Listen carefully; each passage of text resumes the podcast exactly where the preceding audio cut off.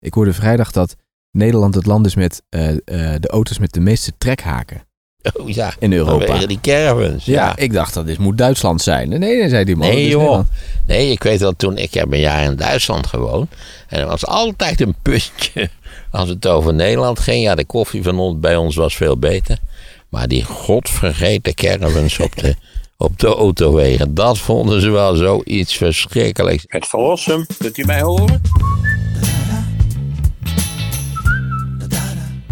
De tanks die Israël inzet in de oorlog met Hamas. Daarover gaat het zo meteen in deze aflevering.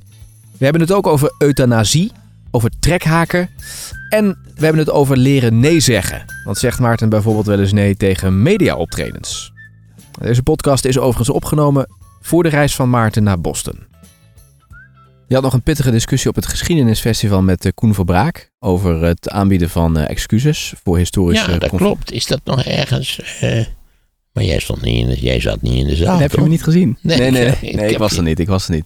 Nee, er stond ergens een stukje waar dat genoemd werd. Hmm. Want dat er best een, een eh, nou heb je dat hier vaker in deze podcast ook al gezegd, maar ik begreep dus dat Koen Verbraak vanwege een, Ja, Koen was vrij verontwaardigd over het feit dat ik niet mee wou gaan in het, eh, in het eh, schuld hebben aan. Ik stapte er ook al vrij snel vanaf nadat duidelijk was geworden dat ik toch te eigenwijs was om dat eh, ter plekke nog op het toneel toe te gaan geven dat hij volkomen gelijk had. Daar was ik ook absoluut niet van plan. maar natuurlijk. welke argumenten gebruikte hij? Nou, eigenlijk niet veel. Eh, eh, Hij, hij bracht het alsof het volstrekt vanzelfsprekend was. En, en, en ik wel een beetje een rare outlier, buitenstaander, ik weet niet hoe je dat zegt. Outsider, om, om daar heel anders over te denken dan de goede gemeente daar op dit moment over denkt. Zonderlijk genoeg kreeg ik applaus voor mijn standpunt. Dat was nou weer vrij opmerkelijk natuurlijk. Ja. Nou ja, maar je hoort dus ook, en dat zie je ook op de sociale media, maar dat merk je dus ook in zo'n zaal, dat veel mensen het wel Ja, met je zo'n eens zijn. zaal, en dan moet je weten wie daar zit. Want je begrijpt ook wel dat, dat, dat, eh, dat het eh, een nogal een selecte steekproef uit de Nederlandse bevolking is, is die daar zit. Mensen met historische belangstelling, geschiedenisleraren, gaan ze maar door. Dus ik, was, ik vond zelf eigenlijk vrij opmerkelijk dat er een applausje was. Oké. En toen zei Koen nog van, ik gun je wel het applausje, maar... Nou ja, ja. ik had geen gelijk. Ja, ik blijf bij mijn punt. Ik wil het is volkomen zinloos. Vooral als je dus. Kijk, dat op dit moment zijn er tal van situaties in de wereld waar de facto sprake is van slavernij. Er zijn tal van situaties, ook in een keurig land als Nederland, van systematische discriminatie van deze en gene groepen in het algemeen.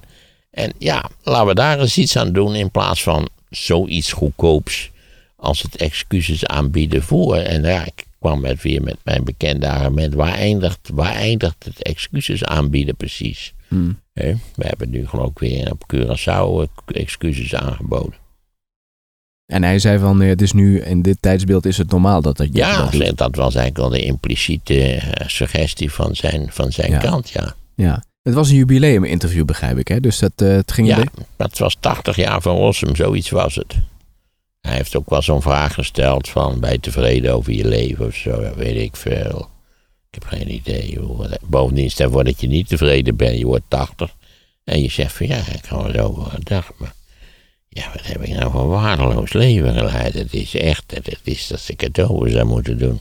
Zou ik het totaal al... Nee, natuurlijk. Nee, ik over, de- over de hele linie ben ik redelijk tevreden over mijn leven. Ja, er zijn mindere puntjes, zeker. Noemen ze leven zonder mindere puntjes. Die maken het ook vaak door de contrastwerking nog weer wat aardiger natuurlijk. Dus ja, dat, dat vond ik eigenlijk, of dat zijn naar mijn idee vrij nutteloze Ja. vragen eigenlijk. Je bent daar vaker geweest hè, op dat festival. Dat was niet de eerste keer dat je daar eh aanschoof. Zo'n beetje elk, elk Ja. jaar ben ik geweest, maar ik mocht zelf altijd een, eh, een, eh, lezing houden. Oké, nu werd je geïnterviewd. Omdat ja, je, ja, precies. ja. Vanwege die tachtigste, dat tachtigste jaar verjaardagmoment. Maar eigenlijk vind je dat maar onzin, toch? Dat er steeds teruggeblikt wordt omdat je 80 wordt. Ja. dat vind ik eigenlijk vrij, vrij flauwekul. want Je kunt net zo goed terugblikken als je 79 bent, Ja. toch? Ja. Je kunt ook hartstikke leuk terugblikken als je 81 bent, om maar eens wat te noemen. Ik zou zeggen, als ik nou 100 word, dan zou ik à la Kissinger, dan zou ik misschien wel een, een terugblikmomentje de moeite waard vinden. ja. Maar goed, je komt er denk ik niet aan door alle Ja, festiviteiten. dat, ja, ook dat terugblikken. Dat, dat ligt natuurlijk op het. Dat, dat, dat zijn naar mijn idee een beetje cliché elementen. Dat is ook die vraag die ik, die ik voortdurend krijg. Mis je je zuster? En eigenlijk is het eerlijkste wat ik zeggen kan, nee. Ze is overal. Ik denk bij allerlei gelegenheden, god, wat zou Sis hebben gedaan, gezegd enzovoort. Dat, dat, dat, dat is een eh, volkomen vanzelfsprekend onderdeel van mijn denkprocessen. Hè, dus mis je haar, ja, god, mis ik mijn grootouders. Ik was dol op mijn grootouders. Nou, mijn opa van vaders kant iets minder, maar goed, ik was dol op mijn grootouders. Ik was dol met tante. Nee, zo kunnen we nog wel even doorgaan. Ik was iets minder dol, misschien eh, gek genoeg op mijn eigen ouders, maar ehm, ja, die zijn maar dood. Ik, ik word 80, dus is vrijwel iedereen waarmee ik op ben gegroeid, waarmee Ja. ik eh, collega's, eh, vrijwel iedereen is dood. En mis ik die lui allemaal, man, dan zou ik, dan zou ik boven bleekzuchtig liggen wenen op zolder. Ja. Dan heb je er meer in eigenlijk. Maar Maar ondanks dat dat, geldt voor mij helemaal niet, want die hele wereld waarin ik groot geworden ben, die zit in mijn hoofd. ja. maar ondanks dat je zo'n hekel hebt aan terugblikken, schuif je wel bij al die programma's aan waar dat teruggeblikt wordt. Ja, zeker. Al is het maar om eh, misschien dat die boekjes beter verkocht worden. Oh, oké, dus er is een belang om dat nou, te gaan. zonder meer. Ja. Ik heb al eerder keurig uitgelegd, werd iedereen verschrikkelijk boos dat ik er zat om mijn theateroptreden te... dat was bij SBS toen. Ja, bij dat en dan keek iedereen alsof dat het, het, het... Nou, dit is een nieuwtje. Dat zitten er mensen bij talkshows met de bedoeling om, om reclame te maken voor iets dat... dat die volgens mij is de eerste die dat gedaan heeft ooit. Al die andere mensen zitten er uit idealistische overwegingen. Om de wereld een eindje vooruit te helpen. Om eens te laten horen, niet waar, hoe de sentimenten liggen. We hadden maar ze waren enorm gekwetst dat ik dat zei. Vooral omdat die suffe mevrouw die daar zat. Ben nou totaal vergeten wie het was. Maar die zei, heeft hij er wel aardigheid in of zo? Ik zeg helemaal niet, ik zit hier vanwege hele specifieke redenen. Nou, de wereld was te klein zeg. Het verschil is denk ik ook dat jij het gewoon benoemt waarom je daar zit. En dat anderen eh, dat dan niet zo benoemen. Die komen dan voor een of ander goed doel. Of, en dan daar is het achterliggende belang ook altijd natuurlijk de verkoop. Maar Ja, dat zeggen ze niet. is dat zo. Ja. Ja. Ja. maar, daar, maar daar was het echt een. Ook dat, dat, ook, dat echode ook nog, nog dagenlang door. In die stomme echokamer van die. Ja, van die stomme. Nee, ik moet erover op. Zijn er ook wel eens media-optredens waar je nee tegen zegt? Aan de lopende band. Heb ik niet al dat enorm leuke st- stukje voorgelezen. Dat op één mij uitnodigt voor de nieuwe Muppet Show. Nee, daar heb je niks over verteld. Ja, ja. ja, ik kreeg een mailtje van op één, even die redacteuren van. Ik weet niet, daar zou in Nederland ook weer een Muppet-programma komen. Of ik daar mijn licht over wilde laten schijnen. Ik zei nou liever niet. Ik heb dat dus, ben dus niet gegaan. Ja, er is me ook gevraagd om een schaapskudde te hoeden een dagje.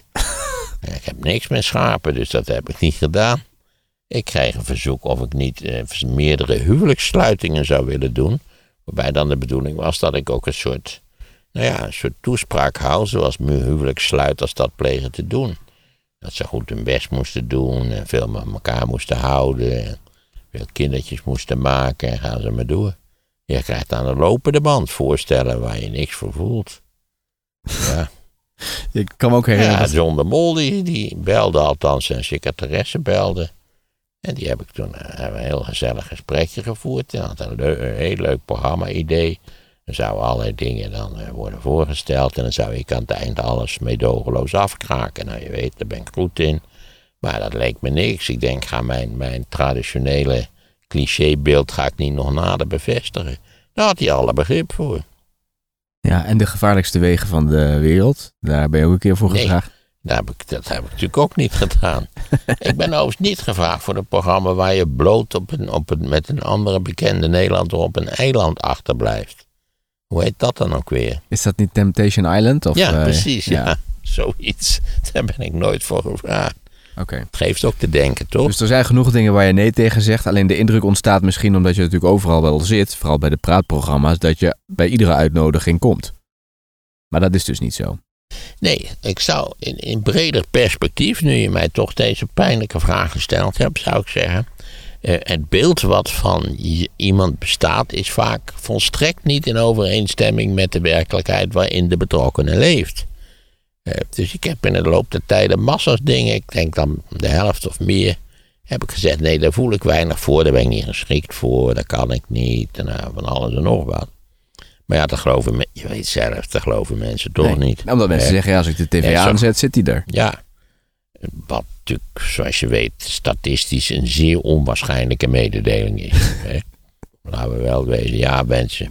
Het is een typisch overdreven. Je weet zelf dat er tientallen mensen zijn die je weet ik hoeveel vaker op televisie ziet dan hem van Rossum. Wat vragen van luisteraars. Eh, zijn de tanks die Israël nu inzet, zijn die nou anders dan eh, op andere plekken eh, in de wereld, bijvoorbeeld in Oekraïne, worden gebruikt? Ja, Israël heeft een eigen ontwerp. Eigen tank, zou ik maar zeggen. De Merkava-tank. Als je me nou vraagt naar technische details. Ik begreep dat het eh, door tankwaarnemers werd beschouwd als een voortreffelijk ontwerp en een goede tank. Hm. En wordt die, die wordt in eigen land gemaakt? Ja. Zeker is, in Israël is het van belang dat je natuurlijk zelf controle hebt over dat productieproces. En dat je niet, stel voor dat ze nu, eh, net als wij de tanks eruit hadden gedaan, maar toch niet meer nodig. Ja, dan moet je nu tanks gaan bestellen. En ja, je weet dat je, je kunt niet op de telefoon opnemen, tien tanks bestellen die volgende week maandag geleverd worden. Nee. Nee, dat is vrij lastig. Sterker nog, dat is morgen. Het is wel voor eh, defensie ehm, is het eh, eh, ja, pijnlijk genoeg goede tijden. hè. Je ziet ook dat de budgetten volgens mij en de begroting overal omhoog gaan. Want ja, we hebben de oorlog in Oekraïne, we hebben nu dit conflict. Ja, dat Ja, betekent... we hebben ooit nog eh, omvangrijke militaire steun verleend aan Israël in de tijd van de Yom Kippur-oorlog. Hm. Ja. Zonder, zonder, dacht ik, zelfs toestemming van de ministerraad. Het was een.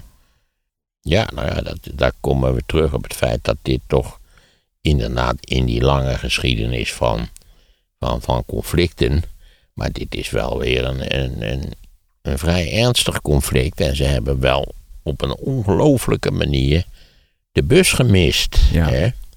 Het, het is wel, het is, het is verbazingwekkend ook dat die, dat die, die grensboel, dat dat zo, zo makkelijk gesneuveld is in feite. Dat die Hamas allerlei methodes bleek te hebben uitgedacht hoe je Israël binnen kon komen. Nou ja, het is, het, het is toch volgens alle deskundigen een, een, een enorme blamage. Ja, dat, dat kun je toch wel zeggen.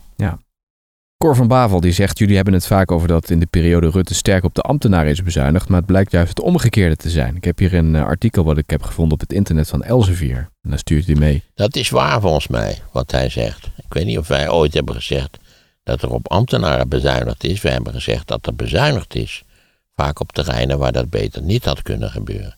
Maar dat wil niet zeggen dat er op ambtenaren bezuinigd is.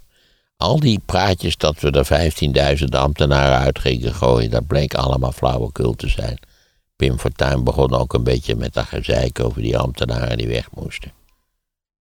Hier hebben we Monique Pennings en eh, die zegt van eh, politiek is Maarten helaas iets te vaak een eigen mening aan het uiten, waar steeds vaker niets van klopt. Ook hoor ik deze klachten steeds vaker van anderen. Ja, zij is eh, alle recht om eh, mijn meningen niet juist te vinden. Maar wat mij bij deze klacht weer opvalt, is dat ze geen enkel argument geeft waarom mijn meningen niet juist zijn. Mevrouw, ik wil u best ook serieus nemen, wat ik op dit moment dus niet doe.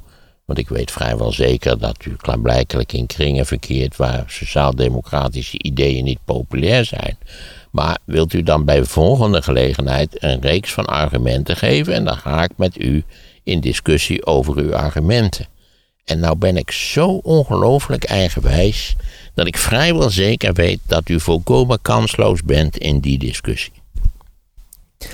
Dan wat vragen over eh, die ehm, aanslag van een tijdje terug op eh, die gasleiding tussen Rusland en Europa. Ja, Waar eh, journalisten wat uitzoekwerk hebben gedaan op internationale schaal. Volgens mij is Nieuwsuur daar ook bij betrokken geweest.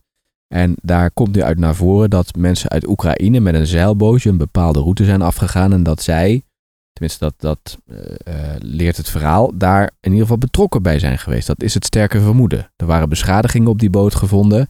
Ze zijn ook de route gevaren langs die eh, ik gasleiding. heb altijd gedacht dat het vrij duister was hoe het in zijn werk was gegaan. En ik neem aan als er sprake is van een klein bootje, dan zijn ze er misschien bij betrokken. Maar dan is nog niet helemaal duidelijk hoe dat dan precies in zijn werk is gegaan. Nee, ik kan me ook niet zo verschrikkelijk veel. Ja, dat klinkt natuurlijk niet mooi. Ik kan me niet zo heel veel verschrikkelijk veel schelen wie dat gedaan hebben. Kijk, iedereen had er, eh, een grote hoeveelheden partijen hadden er belang bij dat de, dat de gemakkelijke levering van goedkoop Russisch gas aan West-Europa zoveel mogelijk geblokkeerd zou worden. Hmm. De Oekraïne had daar belang bij. In feite ook allerlei partijen in Europa hadden daar belang bij. De Amerikanen hadden er belang bij. Dus die kunnen er allemaal op enige wijze bij betrokken zijn geweest. Hmm. En dan Esther Ouwehand nog. Ehm, die zet de medewerker onder druk, hè, die meldingen tegen haar heeft Ja, behandeld. ik moet zeggen, zij is met gejuich weer ingehaald door de partij die natuurlijk in doodsnood leefde. Dat ze van hun eh, lijsttrekster van- zou worden beroofd. Maar stond nu weer een stuk in de, in de kwaliteitskrant. En dan denk je toch, nou, nou, nou. Dat is niet zo best, mevrouw Ouwehand. Kan zij nog terugkeren als lijsttrekker? Ze is teruggekeerd volgens mij. Ja, maar ze heeft wel gezegd, ik, ik stap eventjes terug totdat duidelijk is Nee, uit ze is nu weer terug. Ze is toch Ze- met, met gejuich ingehaald door het nieuwe bestuur? Of heb ik dat dan weer verkeerd ver- gevolgd? Ik begreep dat dat inderdaad het geval was, maar dat ze toen op dat congres zei, luister, er moet eerst even Nee, onderzoek daarna sinds die tijd, maar recent, is ze volgens mij weer ingehaald. oké. Ze was heel opgelucht. Ik weet niet wat ze niet zei. Terwijl ik vond nou dat artikel ook dat je dan opgelucht bent. Dat was maar helemaal... eh, ja, ze had weer van allerlei mensen onder druk gezet. Ja, Als we dan toch bezig zijn over deze onderwerpen... dan eh, moet ik zeggen, leek mij dat zij bepaald niet eh, volledig vrij was gepleit van het verdachte gedrag. En we gaan zien of dit invloed heeft op eh, het electoraat, hè? Of zij achter de partij blijven staan en haar Ik ben ervan overtuigd dat het geen invloed heeft op het electoraat. Dus dat, want ze stonden best wel goed. eh, in de, Hartstikke goed. Ja, ja. Je hebt er niks aan, maar ze stonden er goed bij. nou ja, maar zij heeft wel nu gezegd, ze is wel meer van de school, ik wil mee gaan doen, ik wil invloed Nou, laten we dat hopen, dat ze dat ook daadwerkelijk realiseert. En dat ze van een beetje van dat eh, escapistische intellectuele gedrag terugkomt. Ja, dan nog wat vragen over Rusland. Eh, wat vind je ervan, Maarten, dat sommige bedrijven, neem bijvoorbeeld Heineken, er zo lang over deden om uit Rusland te vertrekken? Ja, dat vind ik bedroevend. Het is duidelijk dat in het geval van sanctiepolitiek, als natuurlijk door allerlei grote bedrijven de boel eigenlijk eh, stilzwijgend gesaboteerd wordt, dan is dat niet in orde. Ik zou zeggen ook, daar moeten ze ook op worden aangesproken. Hm. Ze hebben het nu wel afgerond, hè? dus ze zijn er nu weg. En ik sprak die, eh, die baas van Heineken in Groningen op een congres en daar vroeg ik hem hier ook naar. En hij zei van ja, dat eh, heeft ook te maken met, je kunt wel zeggen dat je weggaat en we waren een van de eerste die dat ook deden, maar vervolgens moet het uitgevoerd worden en ben je afhankelijk van verschillende factoren. En ja, dat heeft, dan willen ze waarschijnlijk ook geld zien om, om, om bij, bij verkoop en zo. ja, en dat heeft heel lang Russen- geduurd, zegt hij. Dus daar, daar waren we ook afhankelijk Ja, van. dat is natuurlijk zo lang als het breed is. Hè. Ik weet niet of hij daar gelijk in heeft, ja of nee. Moet je je afvragen waarom sommige bedrijven het heel snel kunnen en andere niet. Ik, ik heb geen idee. Hm. Maar dat, dat, dat er flink vertraagd werd in het sanctiebeleid, eh, of althans in het meewerken met het sanctiebeleid, dat geloof ik wel. Ja. Nog afgezien het feit dat natuurlijk de sancties deels onmogelijk werden gemaakt. Doordat die- die hele export naar Rusland verschoof. Naar al die republiekjes die rond Rusland liggen. Ja. En, en al die ijskasten en wasmachines die ze ineens gingen bestellen vanwege de chips die erin zitten. ja, ja. ja. Overigens waren daar veel studenten ook eh, en die eh, luisterden. Er waren er veel die ook naar de podcast luisteren. Dus dat er alleen maar ouderen naar de podcast luisteren, dat eh, werd Ah. daar ontkracht. Oké, nou ja, kennelijk zijn er iets minder mensen dan toch die terugschrikken voor mijn gevaarlijke radicale politieke uitspraken. Nee, er waren ook studenten die Die door tal van mensen tegenwoordig als volkomen onjuist. Mevrouw, mag ik u nogmaals vragen? Kom met argumenten. Ik ben dol op discussiëren, dus doe dat nou. In plaats van die kletspraat die u nou debuteert. ja. Is het eigenlijk zo dat je zelf je koffer inpakt voor de reis naar eh, eh, Amerika? Ja, dat wel. Ik heb een heel klein koffertje. Je hebt, niet, je hebt één overhemd, zeg je altijd, hè, en een zwarte trui. Ik neem één zwarte trui mee. Ik neem één extra broek mee, just in case dat je er een kop koffie overheen flikkert of zo. Iets Ja. dergelijks. En that's it. Hoewel dat op die zwarte broek toch niet zit. Ik neem eh, vier onderbroeken mee. Ik neem een laptop mee, een tandenborstel. Mijn dochter heeft heel attent een speciaal tubetje tandpasta gekocht... wat je in het vliegtuig mee mag nemen. Dat wordt tegenwoordig in mini-tubetjes wordt dat, Ja, wordt dat ook de geleverd. erfenis van 9-11. Ja, god, wat neem ik dan verder mee? Meestal toch ook, ook één boek wat ik, wat ik eventueel handig mee kan slepen, zodat ik overal iets te lezen heb. Nou, dan zijn we er wel zo'n Oké, beetje. dan ben je redelijk snel klaar al met het inpakken. Ja, het is een piepklein koffertje. Ja. Is dat dat... eh, heb, je hebt maar ook maar één koffertje. Ja, ik heb maar één koffertje. Dus je hebt geen bagage die net ruim moet. Je neemt nooit, nooit. Ik heb alleen dat ene koffertje. handbagage. Oh, dat is handig. Jo, ik ben altijd, als, als ik met een groep reis, ben ik altijd een half uur eerder klaar dan alle anderen. Ja, ik wandel zo met dat koffertje van boord af. Tot ik natuurlijk op kwart terugkwam op Schiphol en daar drie kwartier moest wachten. Tot ik die klote hal daar beneden binnen kon. Ja. Ja, het is dat druk, zei die veldwebel. Hè? Ik had naar beneden gekeken, hoor. je kon daar zoals een soort raampje. Dat was dan helemaal niet druk. Ja, sinds ik eigenlijk opgehouden ben om in, die vreemde landen, want dan kun je wel naar tv kijken, maar eh, maakt altijd een volkomen onthechte indruk. Oostenrijk, dat heeft ook tv dat je ben ik blij dat ik niet in Oostenrijk woon. Echt vreselijk van, echt een burgermans tv waar je niet van terug hebt. Ehm, in- Duitsland is het ook vaak regionaal natuurlijk. Nee, ik ben helemaal opgehouden met de... Ik kijk een enkele maal lokaal in Amerika tv naar de advertenties. Die zijn vaak komisch. Maar of dat... eh, ik herinner me eigenlijk niets van, van Boston, waar ik vaak geweest ben. eh. of ik, ik ben echt...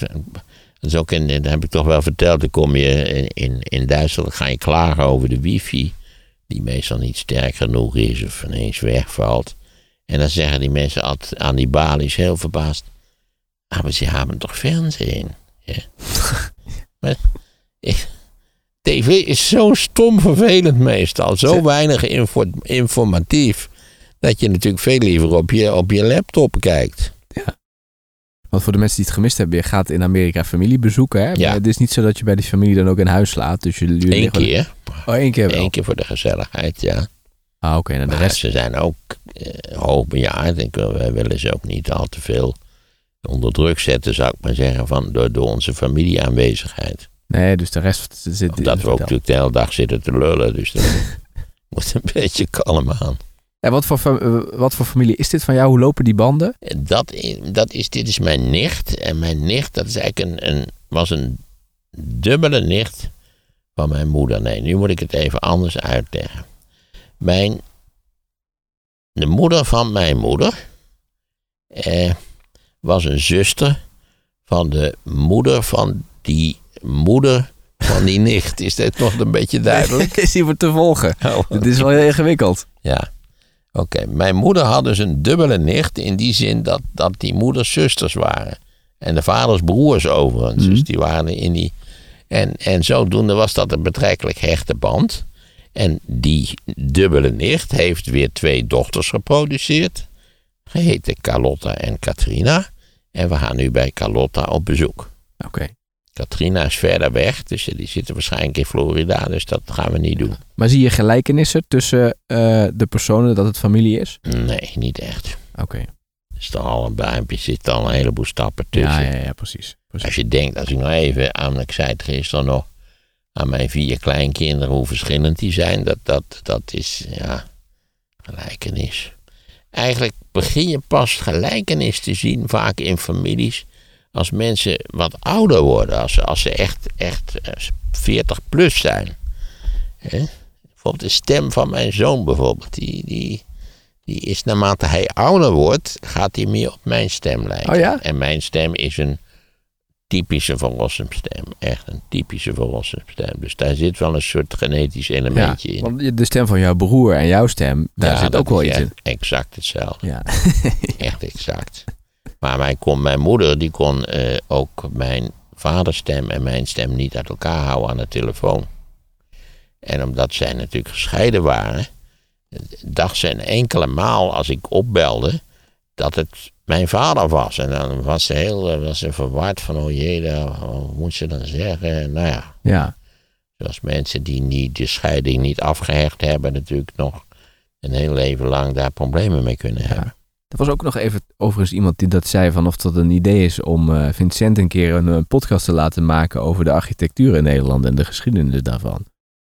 Ja, maar ik denk niet dat hij dat in één podcast zou kunnen doen. Nee. Nee, daar heeft hij wel wat meer ruimte voor nodig, denk ik. Ja. ja, en hij moet het leuk vinden om te doen. En jij moet het ook leuk vinden. Ja, het lijkt mij prima. we zouden dan eens eigenlijk... Kijk, hij is heel moeilijk uit dat Tessel weg te Oh, dan moeten we het daar opnemen, ja. Ja, ik denk Ja. dat, we, dat als jij nou bijvoorbeeld eens een keer in het noorden des lands Oh, bent... ja. ja. dan moeten we het ook wel een beetje plannen. Hij moet natuurlijk weten wat, die, wat er van hem verwacht wordt. Dat zal nog, denk ik, eh, ja, de hele Nederlandse architectuurgeschiedenis. Hij heeft vrij uitgesproken denkbeelden volgens mij over moderne architectuur. Ja, hij is vrij conservatief in zijn opvatting op dat punt. Ik ben nog veel conservatiever. Net als bij schilderkunst mijn zuster vrij conservatief was, maar ik nog veel conservatiever ben. Eh, ik ben eigenlijk aardsconservatief. Alleen merk je het niet zo. Hè? Kennelijk ben ik aardsconservatief, maar kan het zo presenteren alsof mensen denken dat ik enorm in, in het communistische ben. Dat vind ik zoiets merkwaardigs. Nou, eigenlijk moeten we Vincent dan een keer vragen van... Kijk jij eens even wat interessant is waar je wat over kunt vertellen. En, en maak het iets concreter en Ik denk kleiner. dat je bijvoorbeeld iets, iets leuks zou moeten doen. Dat je moet starten met, met laat maar zeggen, het meest, meest opmerkelijke publieke gebouw uit de Gouden Eeuw. Dat is natuurlijk het Amsterdamse stadhuis. En dat je het van daaruit misschien een aantal monumenten zou kunnen kiezen. eh, Die specifiek zijn voor de Nederlandse architectuur. Ja. Eh, sinds, eh, sinds wij een mogendheid van betekenis zijn. Ik neem aan dat hij wel naar jouw verjaardag komt als je dat op Texel eh, gaat Ja, vieren. zeker. Hij komt naar mijn verjaardag. Heeft hij bijna voor voor hem om de hoek natuurlijk daar. Ja, we hadden zelfs ook twee tafels nodig om het nog een beetje in orde te krijgen daar. Ja. Is het daar nu nog steeds druk met toeristen? Ik denk dat het nu wel redelijk... Nee, het is zeker na, na 1 september. We krijgen natuurlijk, je hebt herfstvakantie, hè? Dat is Oh ja. Een aantal weken Noord, Zuid en Midden. Dat, dat, dat loopt het weer wat op. Dus voor de huisjes ook heel een goede tijd. Dat zijn meestal gezinnen die dan natuurlijk Mhm. met vakantie gaan. Ehm, en, maar goed, en daarna worden het echt wel stilletjes. Met de kerstmis is het ook weer druk. En dan, dat, ik geloof de minste tijd is echt vanaf de eerste week van januari tot en met eh, zeg maar 1 maart of zo. ja. Er was nog een grote fik hè, op Texel. Stond nog iets in de, in de hands een tijdje, eh, Dat vorige heb week ik of ook zo. alweer niet gezien. Nee, dat zag ik ergens, ja. Nou. Ik was zo druk dat ik het maar niet gezien heb. Waar was je druk mee? Ik had, eh, nou de hele week eigenlijk. Ik had vrijdag had ik 's middags een lezing voor belastingadviseurs. ja, Wat heb je daar verteld? nou het was wel de bedoeling dat ik een wat lichtere ei- eindschot zou geven bij hun.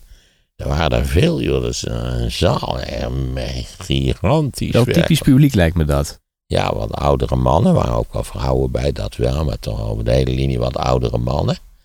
En ja, eh, ik dacht nog, ik laat ik nou luisteren naar de één na laatste spreker. Dat was de spreker voor mij. Misschien geeft hij me nog wel een paar lol. Zegt hij iets wat ik wel lollig vind. Ik kan je zeggen, hij heeft een half uur gesproken. Ik begreep er helemaal niets van. Met uitzondering van één van zijn uitspraken. Die was wel komisch. Dat het hartstikke handig was als je toch euthanasie overwoog om dan op 31 december er een eind aan te maken. omdat het fors financieel verschil kon maken of je als, als je vergat om dood te gaan, als het ware, en dat je pas begin januari dood ging. Dus dat vond ik al wel vrij. Dat heb ik eigenlijk een beetje gebruikt als, als thema voor mijn korte voordracht. Ik vond het erg geestig. Maar dat is ook wel hun humor, heb ik het idee. Dus, Ja, dit was een vrij geestige figuur. Ja, bovendien zei hij dat hij was geloof ik een neef van eh Reinier Paping.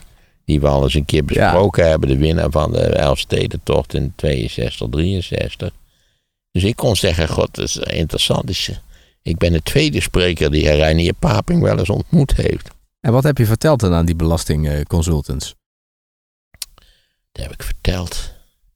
Even diep, diep nadenken wat ik verteld heb. Was het een historisch onderwerp? Of was het meer jouw visie op eh, eh, hoe het systeem in elkaar zit? Nee, het ging ook wel een beetje. Nee, ik heb. eh, Nou, ik, nu, ik moet even denken, dan komt het weer terug. Ooit heb ik iets geformuleerd waar iedereen altijd stom verbaasd over is, maar wat aantoonbaar juist is. Hoe hoger de belastingen, hoe gelukkiger Ja. de mensen zijn. We hebben ook in de podcast helemaal in het begin besproken. Ja. Dus ik zeg, nou ga ik u uitleggen hoe hoger de belastingen, hoe en wat voor bewijsmateriaal ik daarvoor aan kan voeren. Dus toen kwam ik met mijn bekende lijstjes van de fijnste landen ter wereld. Nou ja, zeg maar dat vanaf, eh, we, ik heb eigenlijk alleen de eerste vijf gedaan. Het zijn altijd eh, drie Scandinav- Scandinavische landen, Finland, pak een beet. eh, Nederland kun je er maar bij rekenen, eventueel wel onze belastingen gemiddeld. Bijvoorbeeld in Frankrijk zijn de belastingen volgens mij zelfs een fractie hoger. Dus ik heb uitgelegd, kijk, waarom, hè, dat zijn allemaal landen met hele hoge belastingniveau, belastingdruk, hoger dan in Nederland. Maar zijn de, de, de burgers van die landen zijn hartstikke tevreden over die landen. En dat heeft natuurlijk een doodnormale en begrijpelijke achtergrond, namelijk bestaanszekerheid. Krijg je een ziekte, dan word je op een fatsoenlijke wijze behandeld zonder dat je failliet gaat. Vergelijk het met de Verenigde Staten. In Duitsland bijvoorbeeld staat op die lijstjes meestal ook op 14 of zo. Nou ja, kortom, je begrijpt die dat half uur. Bovendien opgesierd met mijn wetenschap dat je vooral op 31 december dood moest gaan. Dat was al ruim voldoende voor een half uur. Maar het is gewoon een feit. Hoe hoger de belasting, hoe gelukkiger de mensen zijn. En dat heeft te maken met het gevoel van zekerheid. Het gevoel dat je geholpen wordt door de overheid als je het niet aan kunt. En dat is een gevoel wat in Nederland jammer genoeg deels. Altijd komen we uit Ja. terug op dezelfde thema's. De afgelopen 30 jaar wel een beetje verrafeld is. Maar dit, dit publiek wat jij wel waarschijnlijk voor je had, hebben als taak eh, van de mensen die ze helpen zo weinig Ja, mogelijk dat belasting heb ik betalen. ook nog gezegd. Eh, ik hoop dat is uw taak. En het is een heel op zichzelf een keurige taak, niks tegen overigens. Maar mits dat allemaal wel binnen de grenzen van de wet is. Daar ging er wel een beetje een genif- geniffel op, maar goed. Ja, het was, ik heb nog nooit zoveel belastingadviseurs bij elkaar. Vond je het leuk publiek? Nou, ik vond die laatste spreker, of de ene laatste spreker, dus die bij mij, aan mij vooraf ging, was een beetje een zenuwachtige, relatief jonge man. En dat vond ik wel een leuke spreker, ja. Alles wat hij zei wist ik niet. Ik wist niet wat een DGA is. Directeur groot aandeelhouder, Ja. toch is dat, hè? Ja. Ja, kennelijk weet jij het wel, maar Ja. ik wist het absoluut niet. Ja. Ik ben natuurlijk ook geen directeur en ook geen groot aandeelhouder. Dus, En maar ik bedoel meer ook mensen in de zaal. Vonden die, vond je die leuk of vond je die een beetje stug en uh, reageerde? oh, nee, die waren helemaal niet stug. Nee, nee, absoluut niet. Hm. Dat beeld heb ik altijd een beetje van die eh, belastingadviseurs. Dat Nee, toen die- ik had gezegd dat ik een wet had geformuleerd die ik bij mijn weten nooit eerder ergens gelezen had. Ja, wel met in omslachtige formuleringen, maar gewoon als wet. Hoe hoger de belastingen, hoe gelukkiger de mensen zijn. Dat vonden ze al vrij komisch, geloof ik. Ja. ja.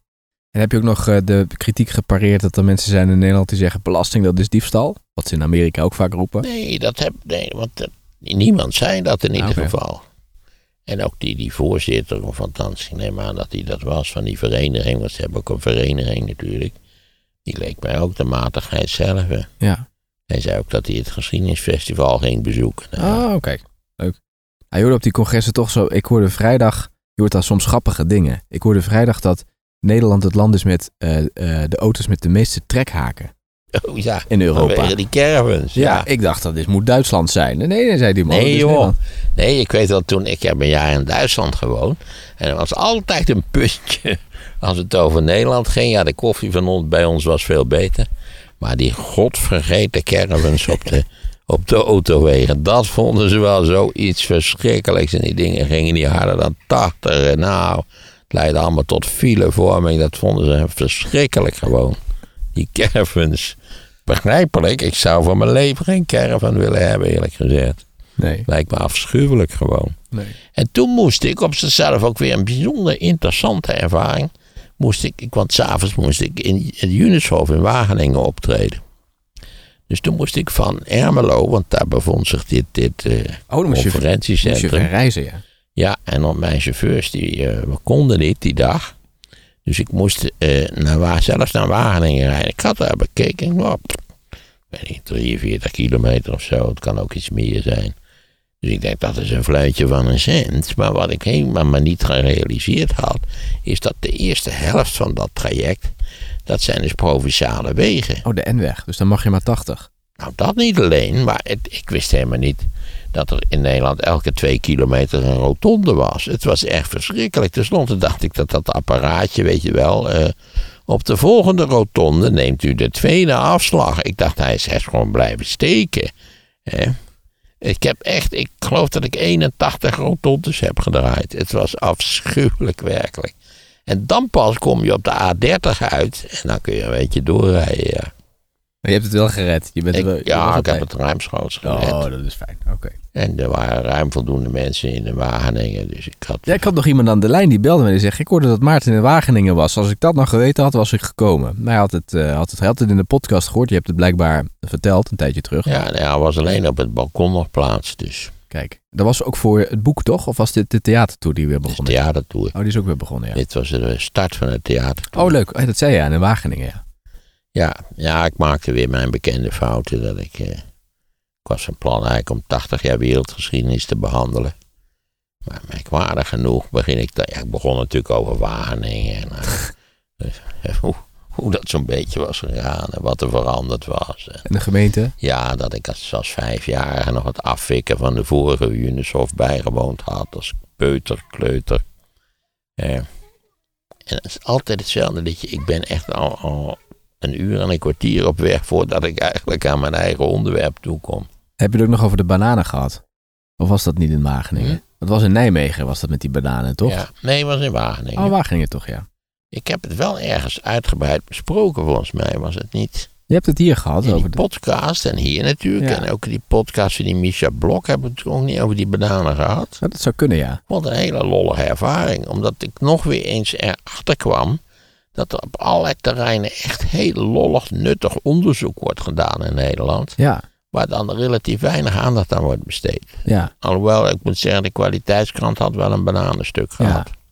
En wat, was wat had Misha Blok met haar techniek? Was er niemand die haar kon helpen? Want zij zat de hele tijd te prutsen met dat apparaat wat ze Ja, bij zich had. ja, dat kwam dat op een plek werd opgenomen waar ze nooit eerder had opgenomen. Oh. In het eh, beeld- en geluidsgebouw. Je zou zeggen, nou daar is nu echt alles Ja. top in orde. Nee, want eh, ik moest ook luisteren naar, naar eh, inges- ja, ingesproken berichten. En een daarvan had mijn zoon gedaan. En ja, ik, hoor, ik hoorde al niet, want hij zei hallo met Niels. Maar dat had ik helemaal niet gehoord.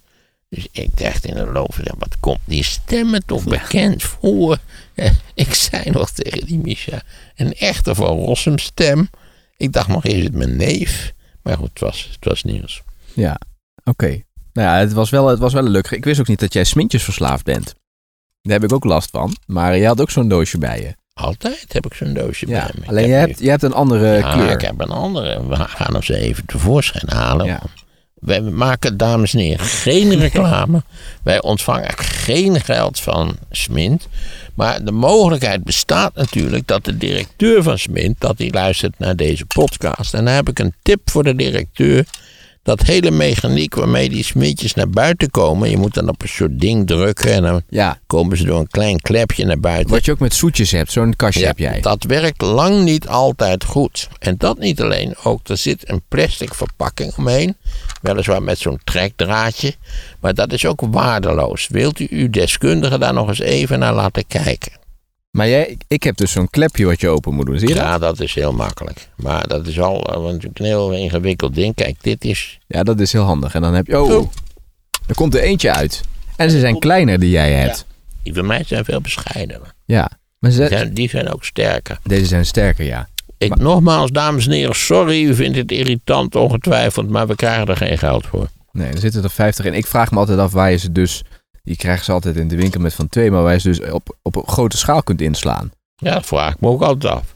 Er zijn ook van Smit bijvoorbeeld twee, we zeuren maar door, Ja. doosjes waar er 100 in zitten. Die zijn veel voordeliger, echt Ja. stukken. Ja. Maar die zijn veel moeilijker te verkrijgen. ja. Maar ik geloof wel dat je ze op het internet kunt bestellen. Mag je dit wil. mee door de douane? Nou ja, dan denk ik, ja, denk het wel. Ja, dat denk ik ook wel, ja. Laten we de kunst toch maar even uitstellen tot eh, Als je terug als bent. ik weer terug ben, ja. Ja, maar dan ga je meteen naar Texel door, hè? Ja, maar dat, dat zal sowieso geen probleem zijn om Nee. vanaf Tesla iets te doen.